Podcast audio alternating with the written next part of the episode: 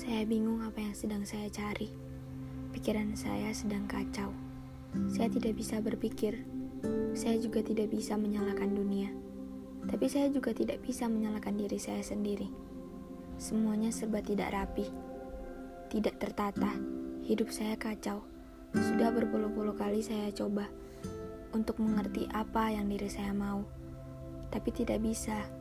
Sudah berkali-kali saya mencoba mencari jawaban di luar, berbicara dengan semesta, berharap saya bisa mendapat jawaban. Tapi nihil. Dari dulu, saya sangat tidak menyukai berada di tempat gelap.